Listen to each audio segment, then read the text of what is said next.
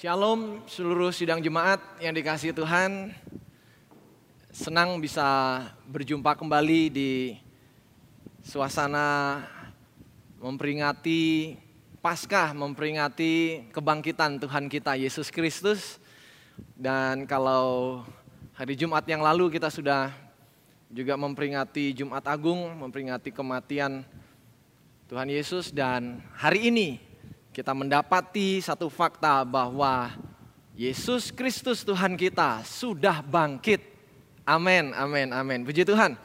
Dan saya mau mengajak kita membaca bagian firman Tuhan yang akan diambil dari uh, Matius, Injil Matius pasal yang ke-28 dari ayat yang pertama sampai yang ke-10 sebelum saya akan masuk ke bagian tema kita uh, di ibadah Paskah kali ini ya.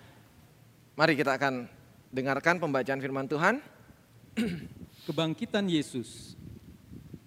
Setelah hari Sabat lewat, menjelang menyingsingnya fajar pada hari pertama minggu itu, pergilah Maria Magdalena dan Maria yang lain menengok kubur itu. Maka terjadilah gempa bumi yang hebat, sebab seorang malaikat Tuhan turun dari langit dan datang ke batu itu dan menggulingkannya lalu duduk ya. di atasnya. Wajahnya bagaikan kilat dan pakainya putih bagaikan salju. Dan penjaga-penjaga itu gentar ketakutan dan menjadi seperti orang-orang mati. Akan tetapi malaikat Tuhan itu berkata kepada perempuan-perempuan itu, Janganlah kamu takut, sebab aku tahu kamu mencari Yesus yang disalibkan itu. Ia tidak ada di sini, sebab ia telah bangkit, sama seperti yang telah dikatakannya. Mari, lihatlah tempat ia berbaring dan segeralah pergi dan katakanlah kepada murid-muridnya bahwa ia telah bangkit dari antara orang mati. Ya. Ia mendahului kamu ke Galilea. Di sana kamu akan melihat dia. Sesungguhnya aku telah mengatakannya kepadamu. Mereka segera pergi dari kubur itu dengan takut dan dengan sukacita yang besar. Ya. Dan berlari cepat-cepat untuk memberitahukannya kepada murid-murid Yesus. Tiba-tiba Yesus berjumpa dengan mereka dan berkata, "Salam bagimu." Mereka mendekatinya dan memeluk kakinya serta menyembahnya. Maka kata Yesus kepada mereka, "Jangan takut, pergi dan katakanlah kepada saudara-saudaraku supaya mereka pergi ke Galilea dan di sanalah mereka akan melihat aku." Puji Tuhan. Ya. Bagian itu kita baca untuk mengingatkan bagi setiap kita bahwa Yesus Kristus yang disalibkan itu pada hari yang ketiga dia sudah bangkit. Amin, sidang jemaat sekalian dikasih Tuhan. Dan kita saat ini hidup di dalam kasih karunia Tuhan, kita bukan lagi hidup dalam ibadah yang bersifat bayangan tetapi kita sungguh-sungguh sudah mendapatkan kenyataan fakta bahwa Yesus Kristus itu menjadi Tuhan dan juru selamat dalam kehidupan kita dia sungguh-sungguh sudah bangkit dan sekarang dia ada di surga di sebelah kanan Bapa di surga ya. Puji Tuhan. Dan saya akan melanjutkan bagian uh, tema kita yang kita bahas di dua hari raya besar ini di Jumat Agung dan Paskah ini. Dan Jumat lalu kalau kita sudah Bapak Ibu juga sudah mengikuti ibadah di rumah lewat streaming uh, video yang sudah kita bagikan bersama-sama. Maka bagian kali ini adalah kelanjutan. Ya, kelanjutan dari apa yang sudah kita saksikan, yang sudah kita terima berkat firman Tuhan, yang sudah kita terima di hari Jumat yang lalu. Bagaimana kalau saya review sedikit bagaimana uh, pengalaman Hawa dan Adam. Hawa dicobai oleh iblis karena Hawa menik, menerima perintah itu sebagai hikmat yang diceritakan sedangkan Adam itu menerima firman itu sebagai hikmat yang dinyatakan secara pribadi. Dan dan Jumat lalu saya sudah mengajak semua kita, mari ayo bangkitkan semangat kita, kerinduan kita, jangan hanya bersandar kepada pengertian atau hikmat yang diceritakan, tetapi biarlah kita sungguh-sungguh mengalami Tuhan dalam kehidupan kita masing-masing sehingga kita akan bisa tetap berdiri tegak, berjalan mengikuti eh, rencana Tuhan Walaupun apa pun situasi yang terja- sedang terjadi saat ini, tapi kita tetap melangkah karena kita punya Tuhan yang hidup yang tidak akan pernah meninggalkan kita, ya. Dan tema kita masih tentang tema kita yang sudah dipersiapkan oleh panitia yaitu pemulihan dan hidup yang baru. Dan dan ini adalah kelanjutan dan saya mengajak kita membaca kembali uh, ayat tema kita diambil dari kitab Mazmur pasal yang 34 ayat yang ke-9. Ya, kita baca sekali lagi. Kecaplah dan lihatlah Kecaplah dan lihatlah. betapa baiknya Tuhan itu. Yes, betapa baiknya Tuhan itu. Berbahagialah orang yang berlindung padanya. Amin. Berbahagialah orang yang berlindung padanya. Puji Tuhan. Kalau Jumat yang lalu kita sudah membahas di bagian yang pertama, kecaplah dan lihatlah betapa baiknya Tuhan itu dan kehadiran Tuhan Yesus, Allah Sang Firman itu menjadi manusia. Itu karena Allah benar-benar ingin manusia itu bukan hanya melihat kebaikan Tuhan, tetapi sungguh-sungguh bisa merasakannya. Karena Allah Sang Firman benar-benar menjadi manusia, merasakan eh, gelisah, ketakutan yang manusia pada umumnya juga rasakan. Tetapi bedanya Yesus tidak pernah berbuat dosa dan dia sudah menyerahkan, mengorbankan dirinya sendiri untuk menanggung hukuman atas dosa seluruh umat manusia, termasuk dosa saya dan dosa Bapak Ibu sekalian.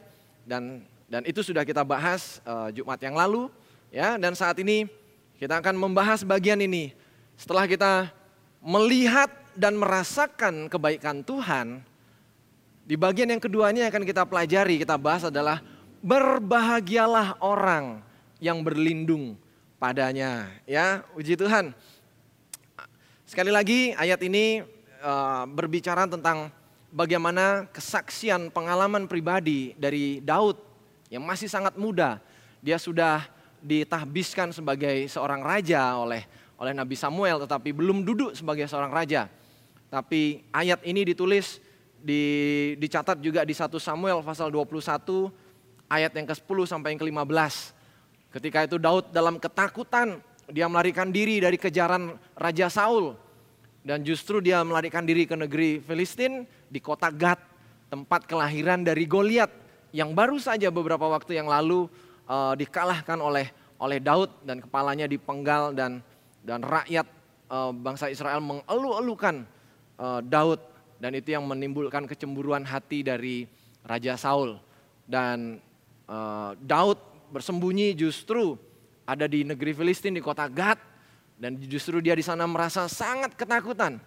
Dan di tengah-tengah ketakutan inilah ter uh, Daud melahirkan satu doa, nyanyian, pujian, rasa syukur yang Bapak Ibu bisa baca secara lengkap di Mazmur pasal 34 keseluruhannya itu itu satu uh, Mazmur pujian yang luar biasa ketika seorang Daud yang masih sangat muda, ketakutan, hampir mati, karena sedang dikejar-kejar dan ada di wilayah musuh seperti itu. Nah, di bagian yang kedua yang kita bahas ini adalah bagaimana Daud ketika dia dalam tekanan, ya, di dalam ketakutan. Tetapi di bagian yang kedua yang kita bahas ini dia bisa ber, berkata, "Berbahagialah orang yang berlindung padanya." Ya. Nah, berbahagialah ini Bapak Ibu, Saudara sekalian yang dikasih Tuhan, berbahagia ini adalah adalah kalau di dalam bahasa terjemahan lain Berbahagialah itu artinya adalah diberkatilah. ya Artinya diberkatilah orang yang berlindung kepadanya. Jadi ketika kita berlindung kepada Tuhan maka kita ini adalah orang-orang yang diberkati. Justru kita akan semakin diberkati. Kita nggak akan perlu takut, kita akan diberkati ketika kita berlindung pada Tuhan. Ya, dan kalau arti berlindung di sini uh, secara cepat, secara pendek saja saya bisa jelaskan. Berlindung di sini artinya adalah kita menaruh rasa percaya kita, kita menaruh pengharapan kita semua hanya kepada Tuhan saja. Itu artinya berlindung, ya. Jadi kalau dalam bahasa sederhana yang bisa apa saya bacakan buat kita, berarti berbahagialah orang yang berlindung padanya itu artinya diberkatilah orang-orang yang menaruh pengharapan, menaruh percayanya kepada Tuhan saja. Seperti itu ya, puji Tuhan. Puji Tuhan. Dan apa yang saat-saat ini juga sedang kita alami, ini sesuatu juga yang luar biasa ya Bapak Ibu, sidang jemaat sekalian dikasih Tuhan. Uh, tema ini juga menguatkan saya juga secara pribadi dengan apa yang terjadi saat-saat ini dan tema ini juga sudah dipersiapkan oleh panitia perayaan dan peringatan Jumat Agung dan Paskah dan ini sangat memberkati dan saya akan membagikan ini buat kita semua. Ya. Dan pertanyaannya buat kita sekarang, ketika kita menyerahkan kepercayaan kita, kita menaruh rasa percaya kita, kita menaruh semua apa ya eh, pengharapan kita kepada Tuhan, kita berlindung di sana, maka kita akan menjadi orang-orang yang diberkati Tuhan, gitu ya. Dan kalau Bapak Ibu baca semua di Mazmur pasal 34 dan beberapa pasal sebelumnya dan itu di sana akan dikatakan bahwa orang-orang yang yang berlindung pada Tuhan, orang-orang yang menaruh pengharapannya pada Tuhan itu tidak akan kekurangan sesuatu pun yang baik gitu ya. Ya, sehingga seperti Daud bilang, "Kecaplah dan lihatlah betapa baiknya Tuhan itu." Amin. Ya, Tuhan begitu baik dalam kehidupan kita dan sekarang saya mau membagikan poin-poin uh, ini untuk menjadi semangat, untuk menjadi pengertian juga dalam dalam pengertian rohani kita. Nah, pertanyaan yang berikutnya adalah sekarang buat kita, ketika kita dikatakan berbahagialah, diberkatilah orang-orang yang menaruh percayanya, uh, berlindung kepada Tuhan. Pertanyaannya bagi kita saat ini, kita hidup di era perjanjian baru. Bagi kita saat ini, kepada siapakah kita akan berlindung? Ya, kepada siapa? Daud hidup di masa perjanjian lama. Ya, berbahagialah bagi kita Bapak Ibu sidang jemaat sekalian dikasih Tuhan. Kita sudah melihat dan kita sudah membaca, kita sudah merasakan kebaikan Tuhan. Yesus adalah Allah yang menjadi manusia dan dia sudah menyerahkan segala-galanya bagi kita supaya kita bisa menikmati janji-janji yang luar biasa dan tidak ada tempat perlindungan yang lain selain pada Tuhan kita Yesus Kristus. Yang di dalamnya, yang di sana ada benar-benar damai sejahtera dan sukacita dan seterusnya. Yang nanti kita akan bahas. Dan saya mau menyatakan, mau menyampaikan beberapa beberapa uh, pernyataan atau nubuatan tentang Tuhan Yesus yang saya mau mengajak kita meyakini sungguh-sungguh bahwa hanya Yesuslah tempat satu-satunya kita bisa merasa aman di dalam perlindungan, di dalam ketakutan kita, di dalam kecemasan kita, kegentaran kita seperti yang Daud sampaikan di, di Mazmur pasal 34 ini ya. Di slide, di slide berikutnya ini saya mau menjelaskan ada di sini saya tuliskan ada delapan ada delapan nubuatan tentang Mesias. Ya, bahwa Mesias itu Kristus itu akan lahir di Bethlehem. Kristus akan didahului oleh utusan untuk menyampaikan bahwa Kristus hadir Kristus akan masuk Yerusalem dengan mengendarai seekor keledai. Kristus akan dihianati oleh seorang teman. Kristus akan dijual seharga 30 keping perak. Dan uang yang digunakan untuk menjual Yesus akan dilemparkan ke penuang logam di rumah Tuhan. Dan Kristus akan diam di hadapan pendakwanya. Dan yang kedelapan Kristus akan dihukum dengan cara penyaliban seperti seorang pencuri. Ya, dan ini beberapa bagian delapan nubuatan tentang Yesus sebagai Mesias yang sudah dinyatakan uh, ribuan tahun sebelumnya, jauh sebelum Yesus hadir. Tetapi ini nubuatan-nubuatan ini sudah dinyatakan dan bersyukurlah bagi kita saat ini Bapak Ibu sekalian bahwa kita sudah melihat dan kita sudah punya datanya. Alkitab kita mencatat, kitab suci kita mencatat bahwa semua nubuatan ini sudah digenapi di dalam Yesus Kristus. Ya, puji Tuhan. Itu sebabnya kita seharusnya menjadi orang yang paling berbahagia. Ya, kita menjadi orang yang paling berbahagia karena kita punya Tuhan yang sungguh-sungguh hidup, Tuhan yang mengasihi kita. Nah, tahukah Bapak Ibu sekalian, salah satu se pemahaman ini, nubuatan ini diuji secara ilmiah oleh seorang profesor sains di pertengahan tahun 1900-an. Ketika itu ada seorang profesor sains bernama Peter Stoner. Ya.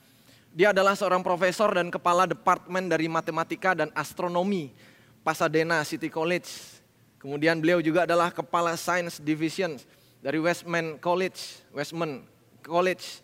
Dan di dalam bukunya Science Speaks, ini buku klasik, buku uh, lama dan mereka meneliti dan bukan hanya Peter Stoner. Peter Stoner dengan murid-muridnya, mereka semua meneliti ada 600 murid sains dari beberapa kelas di kelas-kelas di mana Peter Stoner mengajar dan mereka mempertimbangkan temuan mereka, mereka meneliti semua nubuatan-nubuatan tentang Yesus dan mereka teliti dengan begitu cermat ya dan hasilnya memang lebih apa dibuat lebih sederhana bagi kita orang-orang awam supaya paling tidak kita bisa apa mengerti bagaimana nubuatan ini digenapi dengan luar biasa.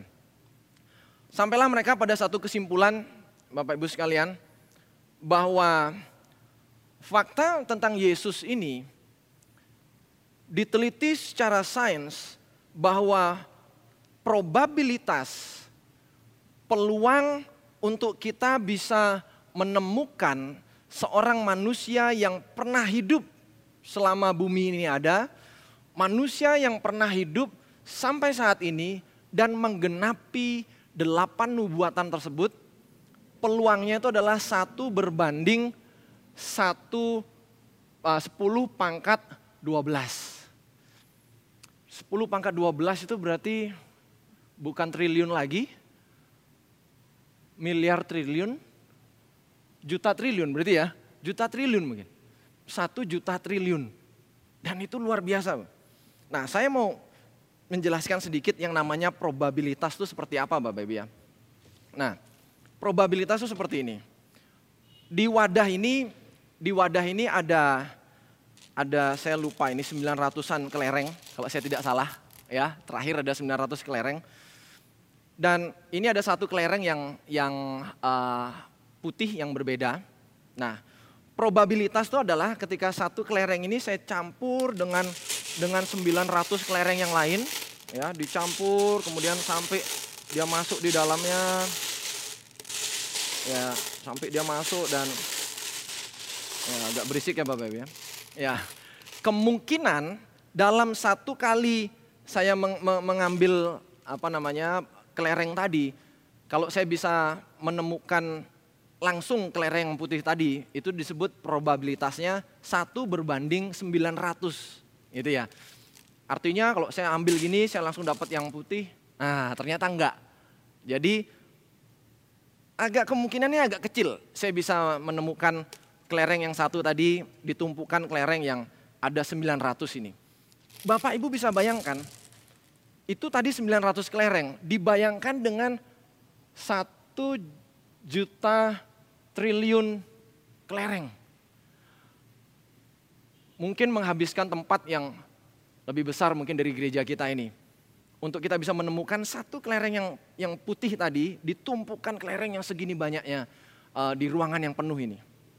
Dan probabilitas itu seperti itu Bapak. Jadi satu berbanding 12, 10 pangkat 12 kemungkinannya.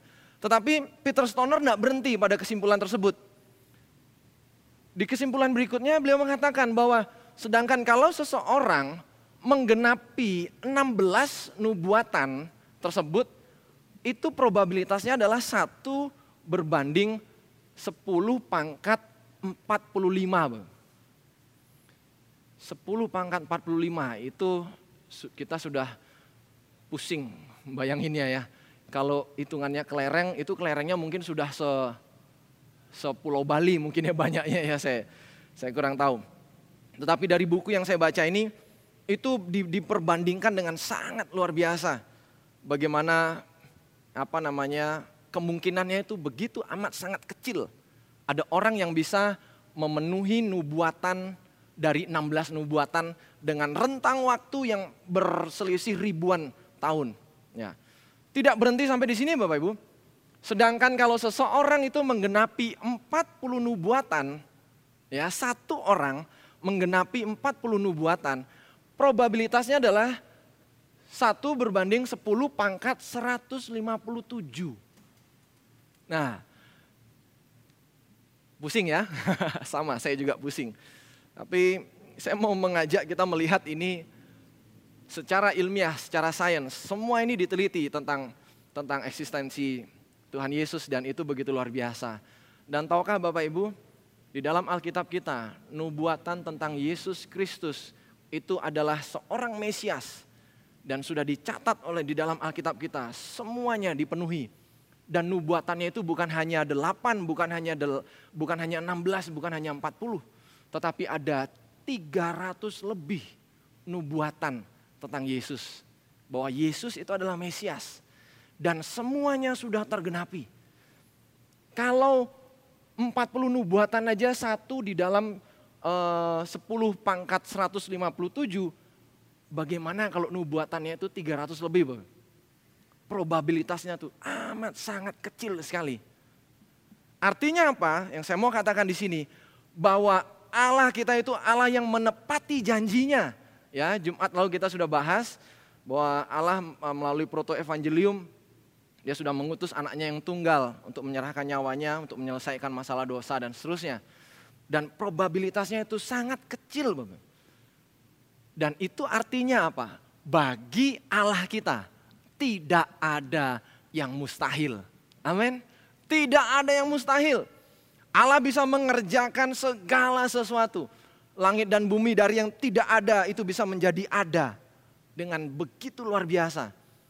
Dan kehadiran Yesus, fakta tentang Yesus ini sekali lagi meneguhkan bagi kita bahwa tidak ada yang mustahil. Tidak ada yang mustahil puluhan nabi menubuatkan dengan rentang waktu yang berbeda, zaman yang berbeda. Tetapi semuanya tepat menubuatkan tentang Yesus bahwa Yesus itu adalah Mesias, ya.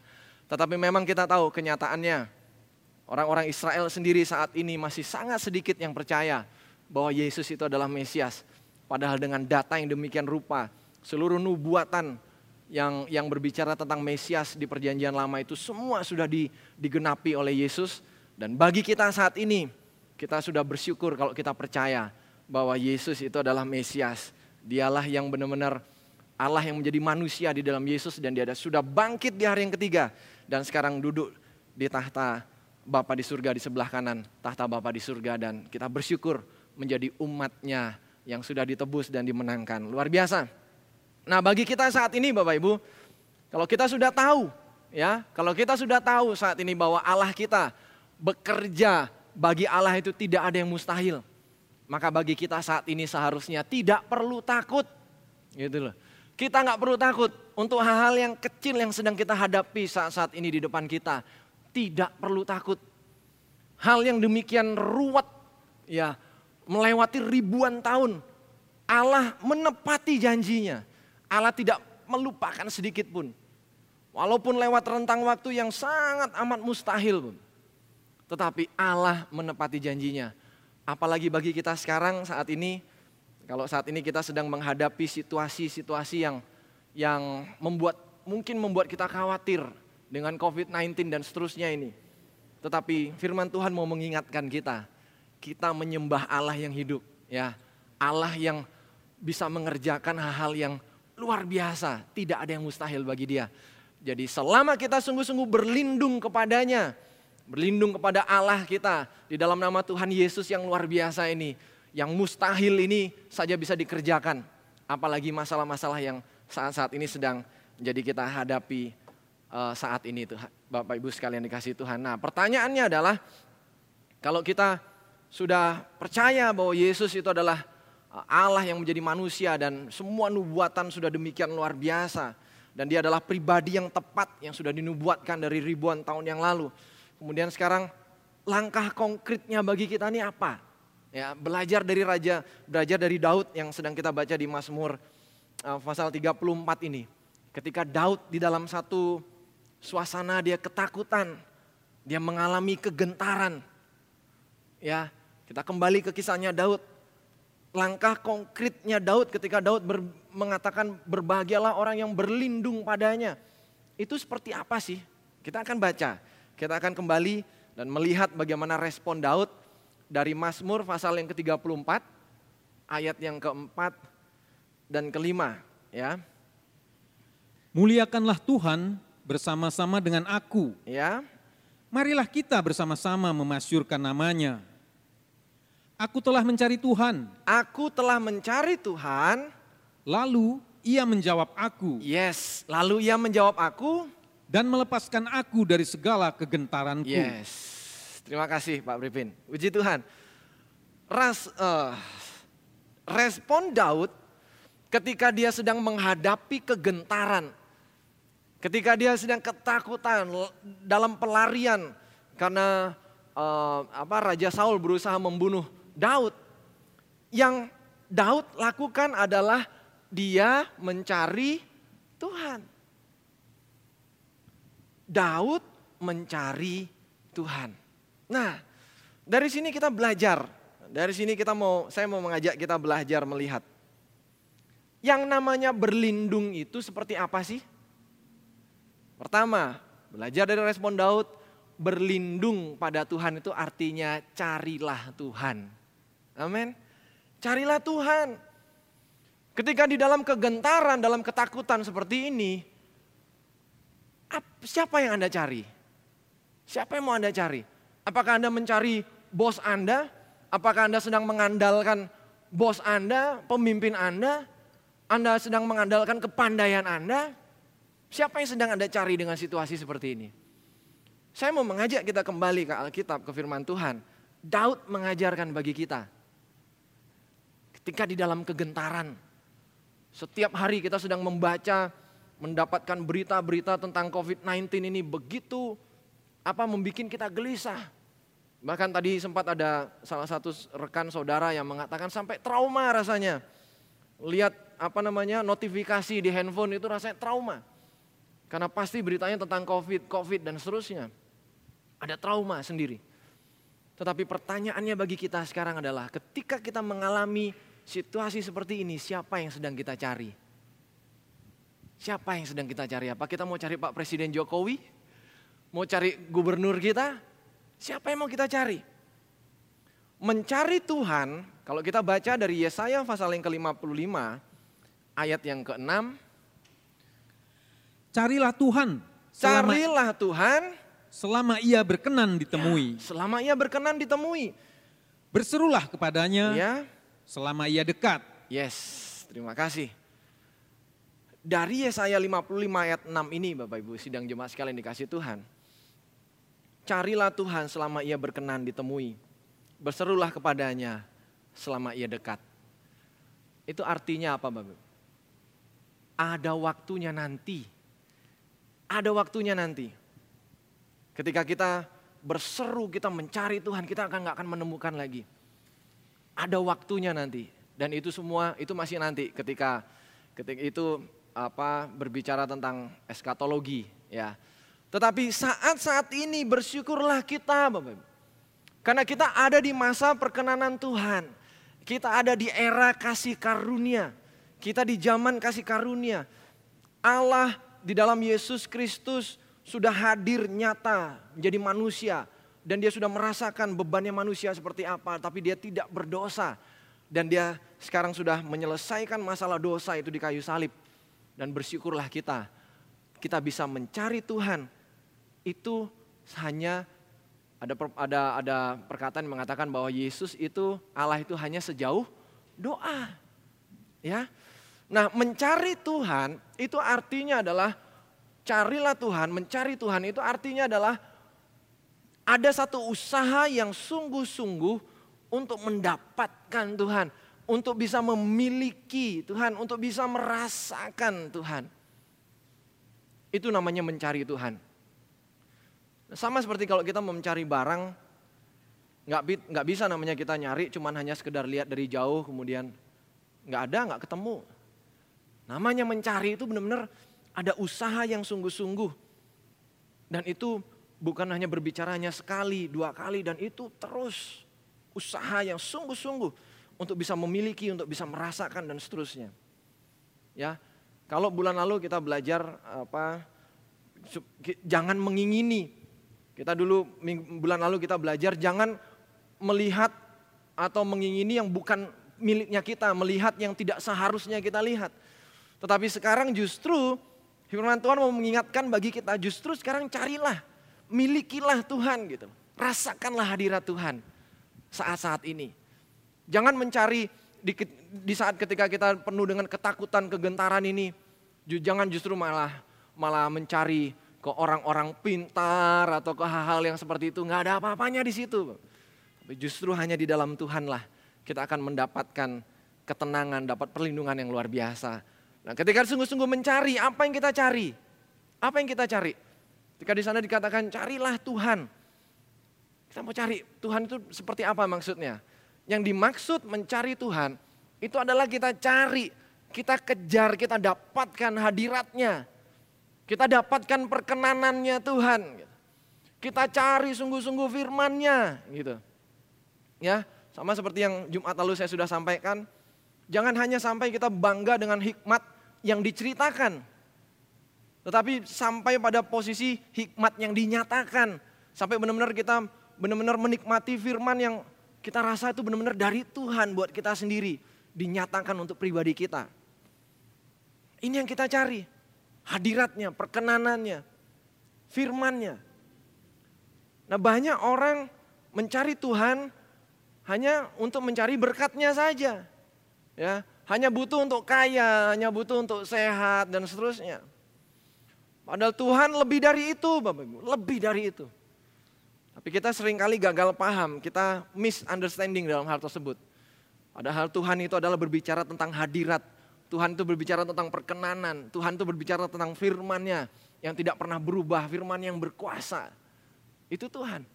Masalah berkat, kesembuhan dan segala macam itu bagian kecil dari dari dari pribadi Tuhan yang begitu besar, begitu luar biasa. Nah ketika kita mencari Tuhan, pertanyaannya adalah apa kita hanya mencari Tuhan tuh hanya di gereja? Apakah hanya di gereja yang disebut sebagai rumah Tuhan di sana kita di sana kita bisa mencari Tuhan? Daud ketika dia di dalam pelarian dia tidak bisa membangun kemah, membangun mesbah, nggak bisa. Tapi dia mengatakan sana carilah Tuhan, berlindunglah padanya. Itu artinya apa Bapak Ibu? Yang Tuhan mau kita mencari Allah supaya dia itu benar-benar menjadi pusat dan sumber berkat dalam ibadah kita. Gitu loh. Ibadah kita tuh bukan hanya terbatas di dalam gedung gereja dan itu ulang ulang berulang berulang saya sudah sampaikan. Buktinya seperti apa yang saat ini sedang terjadi ya. Bapak Ibu menikmati ibadah di rumah. Apakah di situ tidak ada hadirat Tuhan? Apakah di situ tidak ada perkenanan Tuhan? Apakah di rumah kita kita tidak bisa menikmati firman Tuhan? Bisa bukan? Itu artinya apa? Kita bersyukur bahwa Allah kita itu tidak hanya dibatasi oleh oleh gedung gereja yang yang terbatas. Tetapi di mana pun kita pergi, Raja Daud bilang, ke mana aku mau lari dari hadiratmu Tuhan? Ke gunung aku bertemu, ke, ke lembah aku bertemu dengan engkau. dan Tuhan ada di mana-mana. Selama kita hati kita beres, kita terkoneksi dengan Tuhan. Ketika kita nyetir mobil, ketika kita lagi masak, lagi apa, kita bisa bangun terus hubungan dengan Tuhan. Cari Tuhan sampai ketemu, sampai kita akhirnya bisa merasakan hadiratnya. Wah luar biasa. Dan kalau kita punya pengalaman secara pribadi, kita ngalami, maka kita akan bisa mencari lagi. Wih aku kok sudah lama rasanya nggak ngalami, nggak ngerasain itu ya. Cari lagi Bapak. Cari perkenanan Tuhan. Cari apa yang menjadi kesukaan hati Tuhan. Seperti itu. So, mencari Tuhan itu artinya adalah kita benar-benar menempatkan Allah itu menjadi pusat dan sumber berkat dari ibadah kita. Amin ya. Jadi saya pun ketika menikmati ibadah dari rumah pun juga merasakan berkat yang luar biasa. Ya, dan itu semua berbicara soal hati kita. Dan hadirat Tuhan itulah yang akan memberi dampak dari ibadah kita.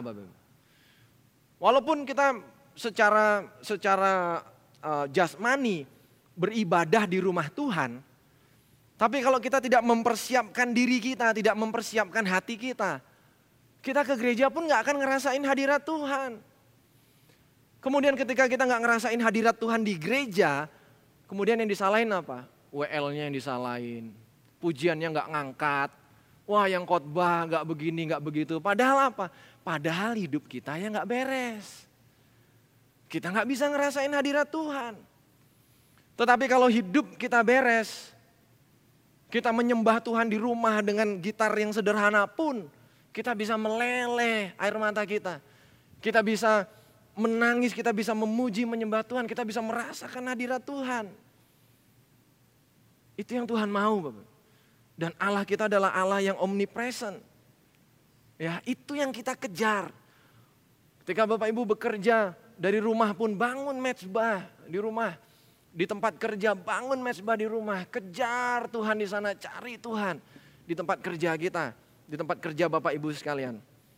Ya, dan efek buah ketika kita sudah kita mencari Tuhan dan kita merasakan hadiratnya, kita menikmati perkenanannya, kita bisa menikmati firmannya. Efeknya itu adalah kita nggak akan punya rasa takut Bapak. Itu loh.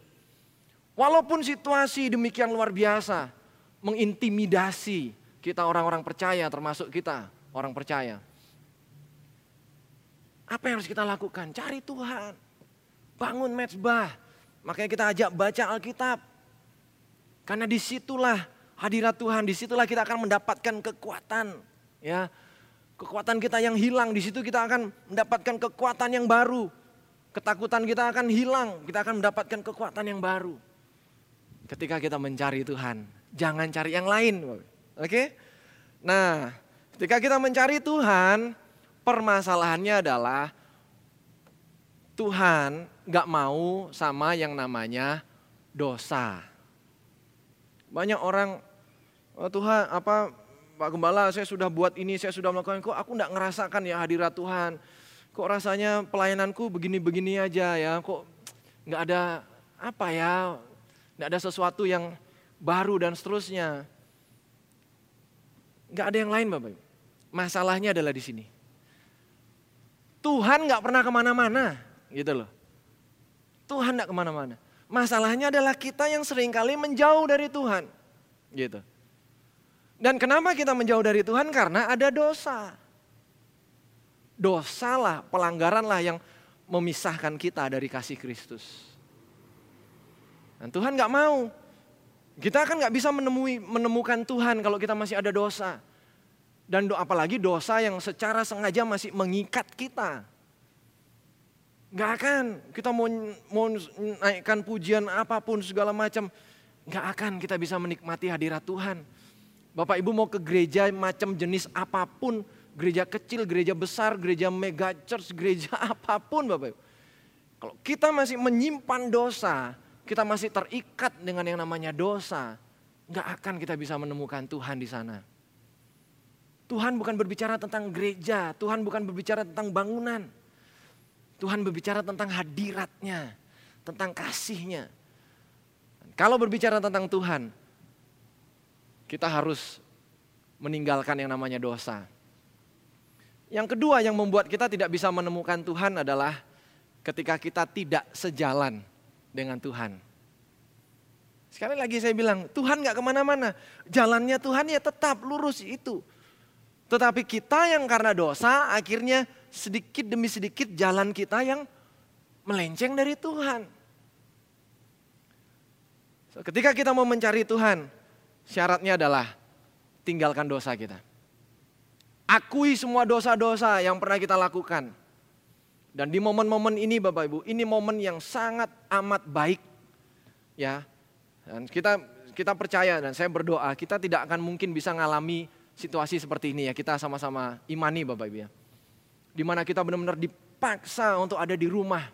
Artinya apa? Kita punya waktu luang lebih banyak dengan keluarga, dengan anak, dengan istri, dengan suami, dengan Tuhan.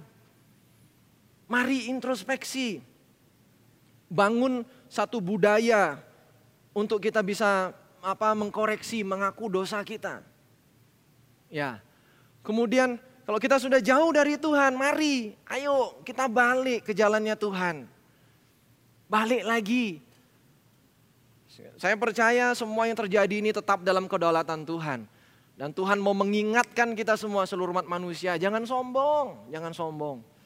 Kepandaian kita, kekayaan kita, nggak ada gunanya dengan COVID-19 ini Bapak. Ada salah satu pengacara top di Indonesia, dia mengisolasi diri, dia katakan selama 20 berapa hari ini, mobil mewahnya nganggur semua Bapak. Nggak kepake, nggak ada gunanya. Nggak ada gunanya. Kepandaian, kepinteran, Nggak ada gunanya. Orang pinter, orang tidak pinter, orang kaya, orang tidak kaya. Semua bisa kena COVID-19 ini. Bu. Semua bisa kena. So mari ayo kita balik sama Tuhan. Dan ketika kita sudah mengakui dosa kita, kemudian kita bikin komitmen, kita balik kepada jalannya Tuhan. Di sanalah baru kita akan bisa mengalami yang namanya hadirat Tuhan. Dan kalau hadirat Tuhan itu menguasai kita, yang keluar adalah buah roh. Di sanalah ada kasih, ada damai sejahtera, ada sukacita. Dan namanya buah roh itu tidak ada ketakutan, nggak ada. Nah, sebaliknya kalau situasi seperti ini, kita masih sering kali mengalami ketakutan. Mari kita introspeksi diri kita masing-masing, termasuk saya juga. Saya ketika saya menggali firman Tuhan ini, saya pertama kali yang bersyukur kepada Tuhan. Teguran ini buat saya secara pribadi saya mau bagi ini juga bagi Bapak Ibu sekalian. Semua yang sidang jemaat yang dikasih Tuhan. Mari kejar hadirat Tuhan. Cari Tuhan dengan sungguh-sungguh. Jangan lelah, jangan jangan setengah-setengah ya. Salah satu teolog menulis seperti ini, A.W. Ping menulis seperti ini. Bukan ketiadaan dosa, melainkan duka cita atasnya yang membedakan anak Tuhan dari orang-orang dengan pengakuan iman yang kosong. Artinya apa Bapak Ibu? Ada banyak anak-anak Tuhan yang lain yang ngakunya anak-anak Tuhan dan orang-orang lain di luar sana.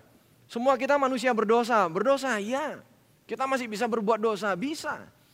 Tetapi yang membedakan adalah ada orang yang ketika dia berbuat dosa dia merasa fine. Nggak apa-apa kok. Nggak ada yang berubah dalam hidupku kok. Gajiku tetap, bahkan aku naik jabatan. Tetapi bagi kita orang-orang yang sungguh-sungguh mencari Tuhan, ketika kita melakukan dosa yang tidak kita sengaja, di situ ada rasa duka cita yang mendalam. Seperti kita menyakiti hati Tuhan, seperti kita melanggar perjanjian kita dengan Tuhan.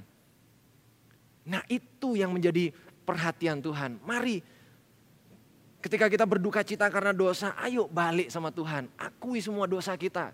Bereskan. Kalau itu berbicara tentang tentang pelayanan, ayo datang kepada mentor-mentor kita.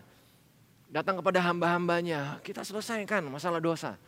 Supaya apa? Supaya kita bisa menikmati hadirat Tuhan dengan luar biasa dan janji-janji Tuhan akan dilimpahkan dalam kehidupan kita yang luar biasa. Ya, di Mazmur pasal 32 kita baca kita mundur sedikit kalau tadi di 34, sekarang kita baca di 32 dari ayat uh, eh, 1 sampai yang ke-6 kebahagiaan orang yang diampuni dosanya. Ya, kebahagiaan orang yang diampuni dosanya, Bapak Ibu. Luar biasa. Kemudian lanjut. Dari Daud, nyanyian pengajaran. Berbahagialah orang yang diampuni pelanggarannya. Yes. Yang dosanya ditutupi. Amin. Berbahagialah manusia yang kesalahannya tidak diperhitungkan Tuhan. Hmm. Dan yang tidak berjiwa penipu. Amen. Selama aku berdiam diri, tulang-tulangku menjadi lesu karena aku mengeluh sepanjang hari. Ya. Sebab siang malam tanganmu menekan aku dengan berat. Sumsumku menjadi kering seperti oleh teriknya musim panas. Hmm. Dosaku kuberitahukan kepadamu ya. dan kesalahanku tidaklah kusembunyikan. Yes. Aku berkata, aku akan mengaku kepada Tuhan hmm. pelanggaran-pelanggaranku dan engkau mengampuni kesalahan karena dosaku. Ya. Sebab itu, sebab itu hendaklah setiap orang saleh berdoa kepadamu. Ya. Selagi engkau dapat ditemui. Sesungguhnya pada waktu banjir besar terjadi, itu tidak melandanya. Iya, puji Tuhan. Terima kasih Pak Pripin. Bagian pertama ini yang saya mau bagikan buat kita ketika uh, respon dari Raja Daud adalah Daud mencari Tuhan. Maka sesuai dengan tema kita tentang pemulihan dan hati yang baru, maka pemulihan itu akan terjadi di bagian pertama ini. Pemulihan ini akan terjadi melalui pengakuan dosa. Ya. Jadi mari budayakan pengakuan pengakuan pengakuan dosa ini, Bapak Ibu sidang jemaat sekalian dikasih Tuhan. Kita mengaku dosa bukan sekali seumur hidup. Enggak. Tapi ketika kita berbuat dosa sebagai seorang suami sama istri, nyakitin hati istri, istri kepada suami, ketika ada salah langsung minta maaf. Langsung minta ampun. Supaya apa? Supaya hadirat Tuhan tetap ada di dalam pernikahan kita. Supaya suasana sorga itu tetap ada di dalam rumah kita. Ya, budayakan pengakuan-pengakuan dosa. Siapa pun kita, kita tidak pernah kebal atas dosa. Tidak. Tetapi justru kita punya kesempatan yang luar biasa. Seperti Daud mengatakan berbahagialah orang yang diampuni dosa-dosanya, pelanggarannya dan seterusnya. Oke? Puji Tuhan. Yang kedua, belajar dari respon Daud yang kedua adalah dari Mazmur pasal yang 34 di ayat yang ke-6 ya. Tujukanlah pandanganmu kepadanya, maka mukamu akan berseri-seri dan tidak akan malu tersipu-sipu. Ya. Orang yang tertindas. Orang yang tertindas ini berseru Ya. dan Tuhan mendengar. Ia menyelamatkan dia dari segala kesesakannya. Ya, puji Tuhan. Orang yang tertindas ini berseru. Daud ini adalah ketika di momen ini dia benar-benar seperti orang yang sedang tertindas. Dia orang yang mengalami kesesakan. Dan apa yang Daud lakukan? Daud berseru kepada Tuhan. Amin, Bapak Ibu sedang jemaah sekalian dikasih Tuhan. Ketika kita mengalami suasana seperti ini, ya, seperti kita ditindas dari berbagai macam arah beritanya semua tentang COVID-19. Mungkin ada saudara, ada teman, ada rekan yang mengalami juga. Dan kita menjadi semakin tertekan, kita menjadi semakin sesek rasanya dada kita jadi sesek karena dengar berita-berita yang sama sekian minggu berturut-turut. Apa yang saudara lakukan? Apa yang kita lakukan? Belajar dari Daud. Daud berseru kepada Tuhan. Kita hanya bisa berseru kepada Tuhan. Kita mau berseru, berteriak-teriak lewat media sosial kita. Apa yang bisa dilakukan? Tidak ada. Yang bisa kita lakukan adalah ketika kita dalam tekanan seperti ini. Entah Anda para pemimpin-pemimpin perusahaan, Anda yang sedang memimpin, sedang membangun, merintis usaha-usaha baru, atau apa pun pekerjaan yang sedang Anda lakukan dan sekarang sedang mengalami situasi yang seperti ini. Mau berseru kepada siapa? Firman Tuhan mengingatkan bagi kita saat ini, berserulah kepada Tuhan. Ya. Berserulah kepada Tuhan. Berseru kepada Tuhan itu artinya apa? Berdoa, memohon, berharap kepada Tuhan saja. Tetapi bukan hanya sekedar berdoa, ber, apa memohon dan berharap, tetapi harus disertai dengan yang namanya kejujuran. Ya, sesuai dengan tema kita. Jujur, kalau berdoa sama Tuhan, memohon, berharap sama Tuhan harus jujur. Ya, kalau memang butuhnya satu juta ya mintanya satu juta sama Tuhan. Ya, butuhnya satu juta mintanya 10 m. Itu namanya nggak jujur. Dari doa saja banyak orang Kristen nggak jujur. Ya, makanya Tuhan nggak jawab doanya. Doa pun kita harus jujur, Bapak. Amin. Dan bukan hanya dengan kejujuran tapi juga dengan kesungguhan hati. Itu namanya berseru kepada Tuhan. Sungguh-sungguh gitu. Bukan hanya sekedar lip service. Berdoa hanya sekedar berdoa. Hanya sekedar ritual, hanya sekedar rutinitas. Bukan.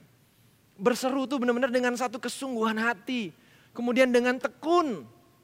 Bukan seminggu sekali, bukan sebulan sekali, apalagi setahun sekali berdoa berseru kepada Tuhan. Ketika butuh aja baru berseru kepada Tuhan. No, tekun. Kemudian dengan setia. Dengan setia. Itu sebabnya makanya sekali lagi saya nggak akan lelah-lelah bosan-bosan ngingetin sama kita semua. Kenapa kita aba, ayo bayi tani baca Alkitab. Saya setiap kali berdoa, aba bangun mesbah dengan keluarga saya berdoa, saya selalu didik anak-anak saya dengan istri. Minta sama Tuhan roh kudus, kasih kami roh ketekunan, kesetiaan. Karena kalau enggak, enggak bisa Bapak. Kenapa kami mengajak Anda semua setiap hari itu ngelatih disiplin rohani harian supaya kita tekun setia. Itu loh Bapak. Dan itulah yang artinya berseru kepada Tuhan. Jujur, jujur apa adanya sama Tuhan. Kalau memang takut, bilang takut, nggak usah sok-sokan kuat. Kalau nggak mampu, bilang nggak mampu. Kalau memang butuhnya sekian, ngomong apa adanya sama Tuhan. Jangan dilebih-lebihin, jangan dikurang-kurangin. Apa adanya aja, ngomong sama Tuhan. Karena kita ketika kita sudah percaya kepada Yesus sebagai Tuhan Juru Selamat, kita diberi kuasa untuk jadi anak-anak Allah. Ya, sama seperti anak minta sama bapaknya. Bapak aja, seorang bapak aja tahu kalau anaknya mintanya lebay, mintanya bohong. Seorang bapak, seorang orang tua tuh tahu. Kalau anak tuh mintanya bohong apa benar tuh seorang orang tua aja tahu, apalagi Bapak kita di surga. Itu sebabnya di bulan ini kita berbicara tentang kejujuran. Ya, doa pun doa yang jujur. Amin. Ya, doa pun doa yang jujur. Gitu. Nah, ketika kita sudah belajar ini tentang apa berseru kepada Tuhan, ada beberapa ayat-ayat yang saya mau ajak kita saya ajak baca secara sekilas saja ya, Pak Pripin ya. Yeremia 33 ayat 3 ya, berserulah kepadaku maka aku akan menjawab engkau. Oh. Mazmur 57 ayat 3. Aku berseru kepada Allah yang maha tinggi kepada Allah yang menyelesaikannya bagiku. Sama itu Raja Daud juga. Kemudian Mazmur 50 ayat 15. Berserulah kepadaku pada waktu kesesakan. Aku akan meluputkan engkau dan engkau akan memuliakan aku. Di bagian yang kedua dan jadi bagian yang terakhir yang kita bahas di ibadah uh, Paskah memperingati kebangkitan Tuhan Yesus Kristus. Pemulihan dan hidup yang baru yang bisa kita terima itu adalah pemulihan melalui doa yang jujur. Ya, tadi yang pertama adalah pemulihan uh, melalui pemulihan melalui mana dia? Pemulihan melalui pengakuan dosa. Kita membudayakan pengakuan-pengakuan dosa. Maka di bagian yang kedua ini pemulihan itu terjadi melalui kita menaikkan doa-doa yang tekun, yang setia, yang jujur di hadapan Tuhan apa adanya. Ya.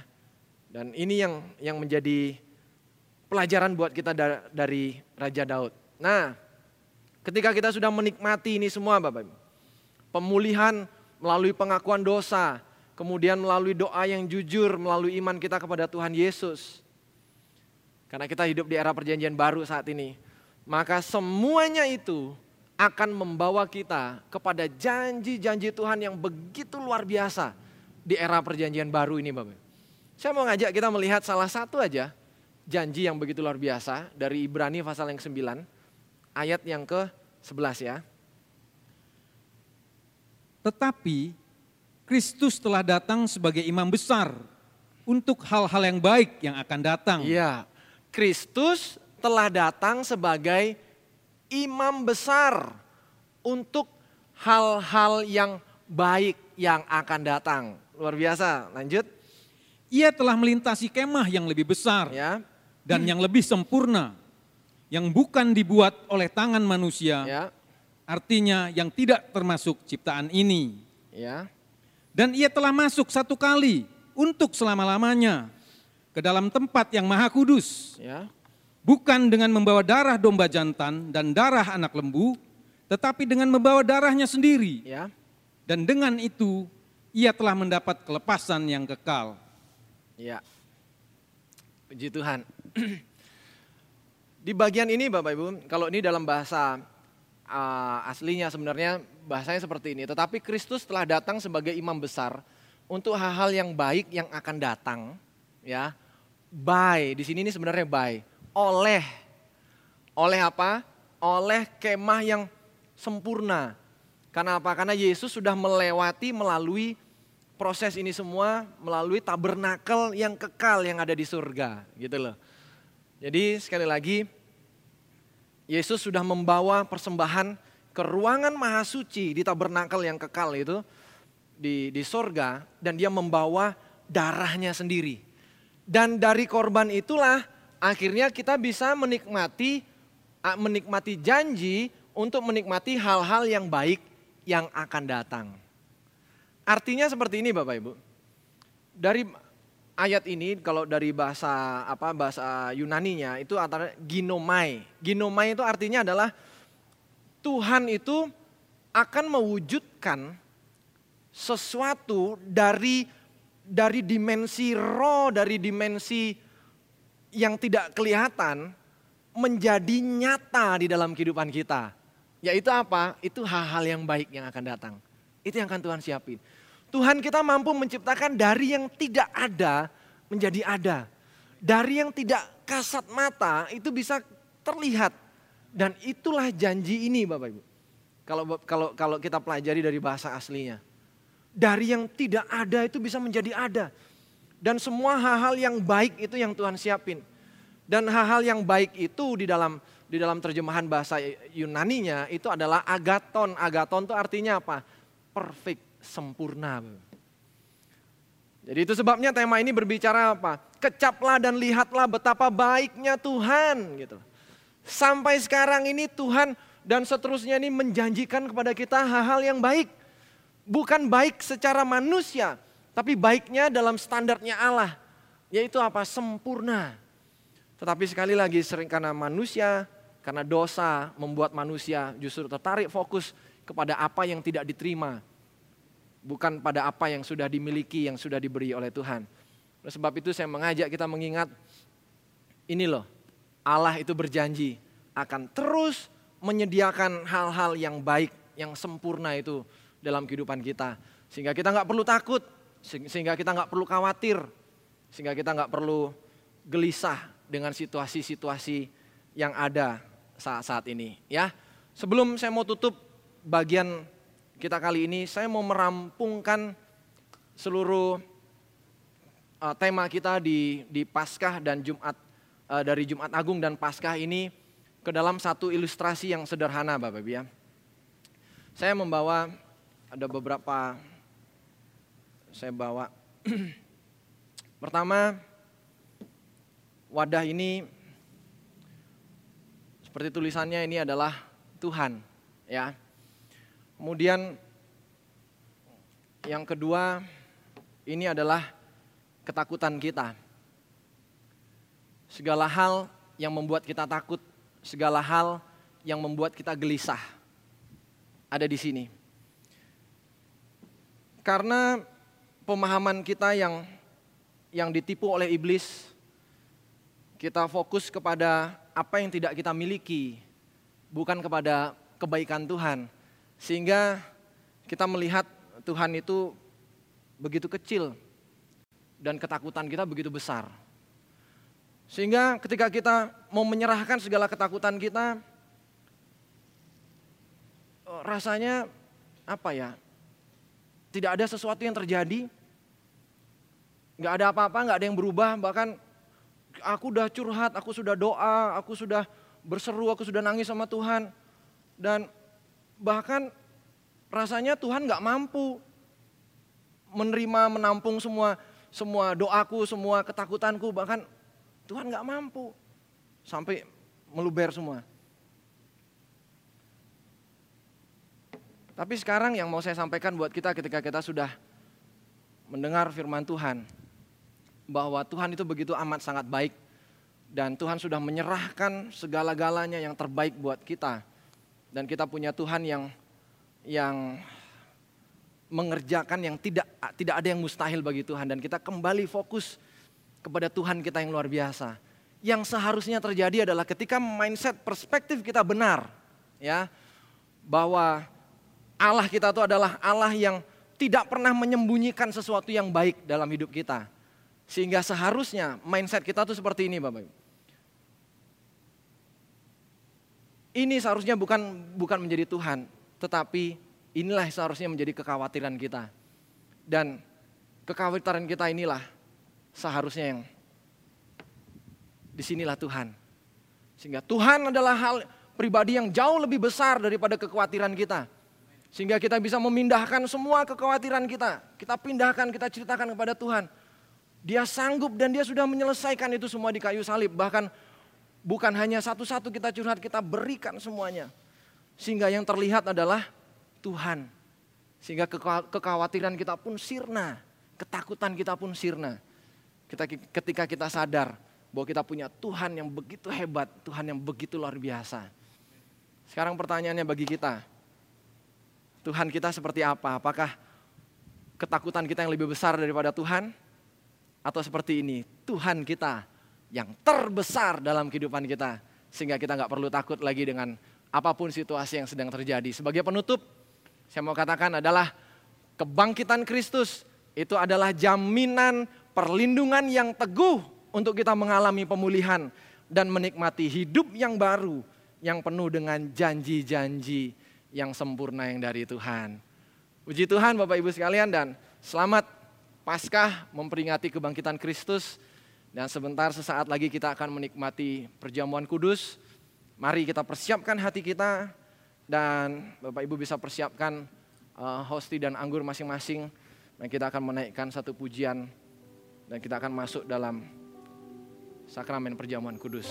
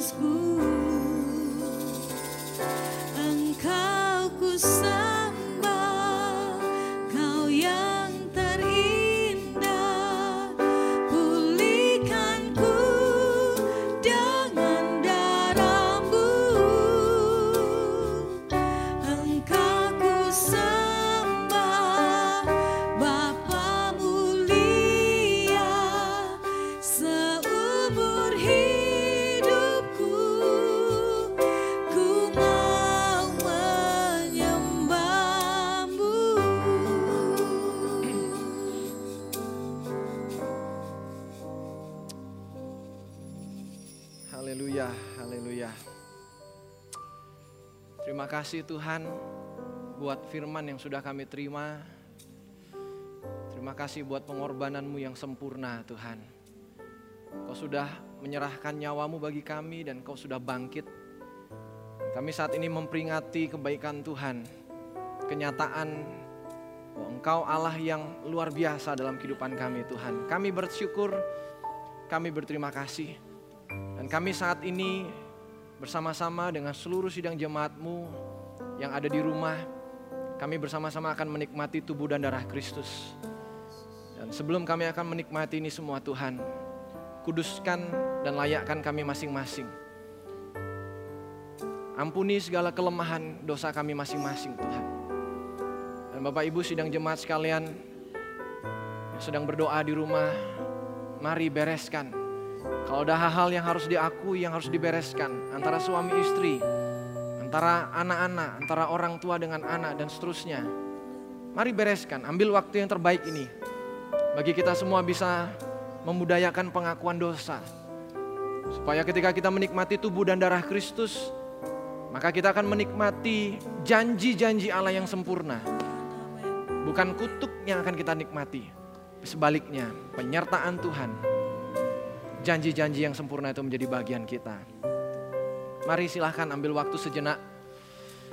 Kalau ada hal-hal yang harus diakui dan izinkan roh kudus menelisik hati kita masing-masing. Dan kuduskan kami Tuhan. Ampuni segala dosa, kelemahan, kesalahan kami. Dan tangan-tangan kami akan mengambil tubuh dan darah Kristus. Semuanya dilayakkan hambamu yang akan melayani semuanya. Dilayakkan di dalam nama Yesus. Sehingga kami akan bisa menikmati keutuhan kuasamu di tempat ini Tuhan. Terima kasih Bapa. Kami siap menikmati tubuh dan darah Kristus. Dan di dalam nama Yesus kami berdoa.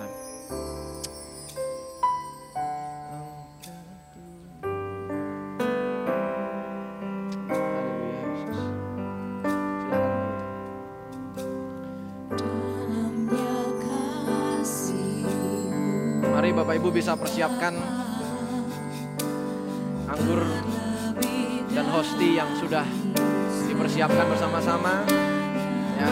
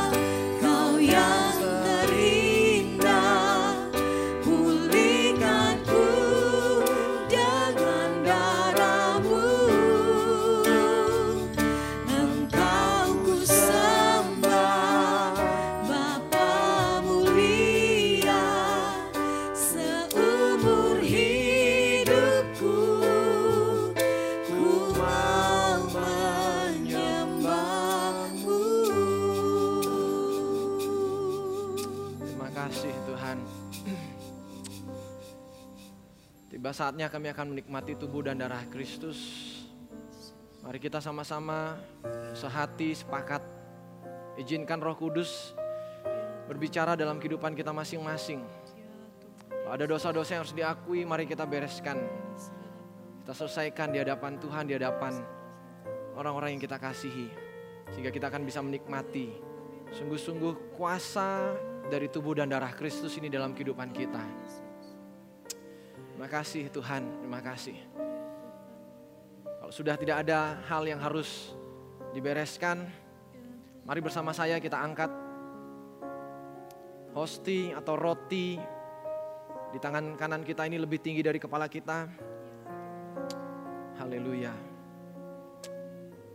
Mata kita melihat ini adalah roti atau hosti. Tetapi iman kita percaya bahwa ini adalah tubuh Kristus. Tubuh Kristus yang sudah dihancurkan di kayu salib. Tubuh Kristus yang menanggung hukuman atas dosa umat manusia. Saya akan membacakan dari 1 Korintus pasal yang ke-11 ayat 23. Sebab apa yang telah aku teruskan kepadamu telah aku terima dari Tuhan, yaitu bahwa Tuhan Yesus pada malam waktu ia diserahkan, ia mengambil roti dan sesudah itu ia mengucap syukur atasnya. Ia memecah-mecahkannya dan berkata, "Inilah tubuhku yang diserahkan bagi kamu. Perbuatlah ini menjadi peringatan akan aku." Apakah kita sungguh-sungguh percaya bahwa hosti maupun roti yang ada di tangan kanan kita ini adalah tubuh Kristus? Amin. Mari kita makan dengan percaya dalam nama Tuhan Yesus Kristus.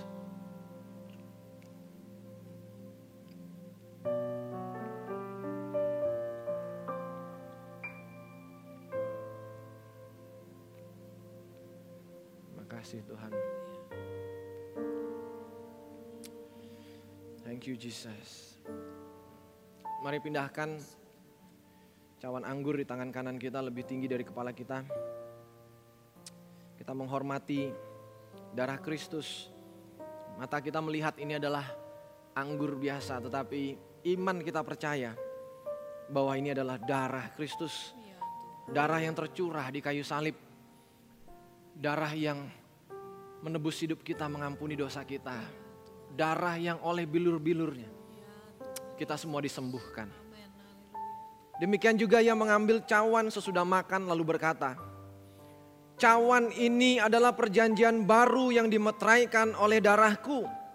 Perbuatlah ini setiap kali kamu meminumnya menjadi peringatan akan aku. Apakah kita sungguh-sungguh percaya bahwa anggur yang di tangan kanan kita ini adalah darah Kristus? Amin. Mari kita minum dengan percaya dalam nama Tuhan Yesus Kristus.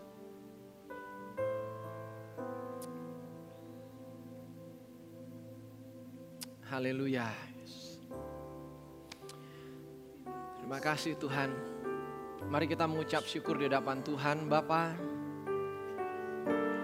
Kami berterima kasih Tuhan. Atas pengorbananmu yang sempurna. Atas kasihmu yang luar biasa dalam kehidupan kami Tuhan. Engkau tempat yang amat sangat layak untuk kami bisa berlindung. Karena hanya di dalammu lah kami bisa merasakan damai sejahtera, merasakan sukacita. Kami mengakui Tuhan sebagai manusia. Kami begitu ketakutan dengan situasi yang ada. Ada banyak hal yang membuat kami gentar. Ada banyak hal yang membuat kami bahkan trauma-trauma melihat berita-berita yang seperti ini Tuhan. Kami mengakui Tuhan kami manusia yang sangat lemah. Itu sebabnya kami mau berlindung kepadamu Tuhan. Karena engkaulah tempat perlindungan yang teguh. Kami mau benar-benar meresponi firman Tuhan ini. Kami mau mencari engkau Tuhan. Kami mau terus berseru kepadamu Tuhan. Atas situasi-situasi yang ada ini Tuhan. Karena kami tahu kami tidak bisa lari ke mana-mana. Kami tidak bisa berseru ke tempat yang lain. Kami tidak bisa mencari siapa pun saat-saat ini Tuhan. Kami hanya bisa mencari engkau dan kami hanya bisa berseru kepadamu Tuhan.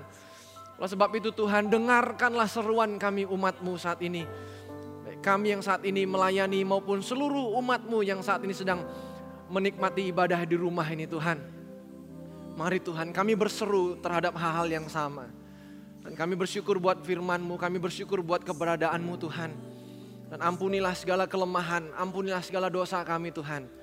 Dan seperti firman yang sudah kami terima, biarlah Engkau sudah mendengar setiap pengakuan sidang jemaat-Mu di, di rumah masing-masing. Engkau mendengar setiap pengakuan mereka Tuhan. Dan ampunilah setiap dosa mereka Tuhan. Dan sesuai dengan janji firman-Mu, pulihkanlah Tuhan hati mereka, Pulihkanlah pernikahan mereka, pulihkanlah pekerjaan mereka Tuhan. Sehingga ketika kami berlindung kepadamu Tuhan, kami akan menikmati pemulihan-pemulihan yang luar biasa. Karena Engkau Allah yang luar biasa Tuhan. Bapak terjemahkan lebih lanjut firman yang sudah kami terima pada saat ini. Bela firman ini akan menggugah kembali kehidupan kami. Membuat kami sadar kembali Tuhan. Sehingga kami akan kembali ke hadirat Tuhan, kami mencari terus hadirat Tuhan. Dan kami tidak mau ke, melenceng ke kanan ke kiri. Tapi kami mau terus berjalan di dalam jalan-jalannya Tuhan. Sekali lagi Tuhan, ampuni kami manusia yang lemah. Ampuni kami manusia yang sombong di hadapanmu ini Tuhan. Ampuni kami seluruh umat manusia di dunia ini Tuhan. Ampuni kami. Tetapi biarlah saat-saat ini kami mohon belas kasihan yang dari Tuhan. Kami mohon kemurahan yang dari Tuhan atas situasi yang ada ini Tuhan dengan situasi COVID-19 di seluruh belahan dunia ini Tuhan. Tuhan kami mohon biarlah semua ini boleh reda di dalam nama Yesus. Tapi sekali lagi bukan kehendak kami yang jadi Tuhan. Tapi biarlah kehendak Tuhan yang jadi. Dan biarlah melalui momen-momen ini firmanmu akan semakin dinyatakan dengan gencar. Dan kami akan melihat ada banyak jiwa-jiwa yang dimenangkan. Kami akan melihat jiwa-jiwa anak-anak Tuhan kan kembali ke dalam hadirat Tuhan. Kembali lagi rasa haus dan lapar akan firman Tuhan muncul dalam setiap hati anak-anakmu Tuhan dengan situasi yang ada ini. Dan kami tetap mohon Tuhan kemurahan Tuhan dinyatakan. Dan lindungi kami umatmu, lindungi seluruh sidang jemaatmu di tempat ini Tuhan. Lindungi pernikahan mereka, lindungi juga anak-anak kami semua Tuhan, pernikahan kami juga Tuhan. Semuanya dilindungi. Begitu juga pekerjaan kami yang saat-saat ini sedang terkendala Tuhan. Mohon kemurahan Tuhan ada jalan keluar, ada solusi. Dan kami tetap berdoa juga bagi pemerintah kami yang sedang memikirkan, mempersiapkan kebijakan-kebijakan strategis. Juga semuanya Tuhan memberkati. Sehingga semuanya ini akan mendatangkan kebaikan bagi kami umatmu Tuhan. Dan kami percaya firmanmu tidak pernah berubah dulu, sekarang dan selama-lamanya. Oleh sebab itu berkati kami semua Tuhan. Dan segala bentuk kekuatan iblis, roh-roh jahat yang masih berusaha membuat kami takut, membuat kami gelisah Semuanya kami tolak singkirkan di dalam nama Tuhan Yesus Kristus. Enyah engkau iblis. Tapi sebaliknya biarlah kebenaran firman Tuhan ini menjadi dasar yang teguh bagi kami Tuhan. Membuat kami kuat dan kokoh kembali Tuhan. Kami yang kami yang sedang sakit, apa pun sakit penyakit kami Tuhan, kami datang dengan percaya bahwa oleh bilur-bilurmu segala sakit penyakit kami disembuhkan. Oleh sebab itu kami percaya di dalam nama Tuhan Yesus. Segala sakit penyakit kami semua disembuhkan di dalam nama Yesus. Segala permasalahan problem yang sedang kami hadapi. Kami berdoa dan percaya ada solusi, ada jawaban di dalam Tuhan. Tuhan memberkati dengan hikmat kepada seluruh sidang jemaatmu dengan situasi yang ada. Bisa bekerja, bahkan bisa survive. Dan bahkan di dalamnya nama Tuhan akan semakin dipermuliakan. Kami yang imannya goyah, Ketika kami sudah menikmati persekutuan dengan tubuh dan darah Kristus, iman kami kuat kembali Tuhan. Karena kami diyakinkan kembali bahwa Engkau Allah kami yang hidup yang tidak pernah meninggalkan kami Tuhan. Terima kasih Bapak. Terima kasih. Kami tetap bersyukur dengan situasi yang ada. Karena kami percaya tetap ada hikmah, ada rahasia Tuhan di balik ini semua Tuhan. Terima kasih Bapak. Terima kasih memberkati seluruh tim pelayan yang sudah menghandle ibadah demikian luar biasa sehingga seluruh sidang jemaatmu bisa menikmati di rumah. Semuanya diberkati Tuhan. Dan ketika kami akan mengakhiri seluruh rangkaian ibadah ini Tuhan, kami mengucap syukur. Biarlah segala puji, hormat, syukur kami persembahkan hanya untuk Engkau Tuhan. Dan biarlah kami semakin berkurang dan Kristus saja yang semakin bertambah dalam kehidupan kami. Terima kasih Bapak. Mari Bapak Ibu sidang jemaat sekalian kasih Tuhan arahkan hati kita ke surga dan tangan kita ke surga untuk siap menikmati berkat yang dari Tuhan. Mari sidang jemaat sekalian kasih Tuhan. Terimalah berkat anugerah, kasih sayang dari Allah Bapa, damai sejahtera dari putranya yang tunggal, dan dengan persekutuan roh kudusnya, memberkati kita semua. Hari ini, esok, bahkan seterusnya, sampai Maranatha, berkat Allah dicurahkan, dilimpahkan sempurna dalam kehidupan kita. Terimalah berkat dan jadilah berkat. Yang percaya mari sama-sama katakan, amin. Selamat Paskah, Tuhan Yesus memberkati kita semua. Shalom.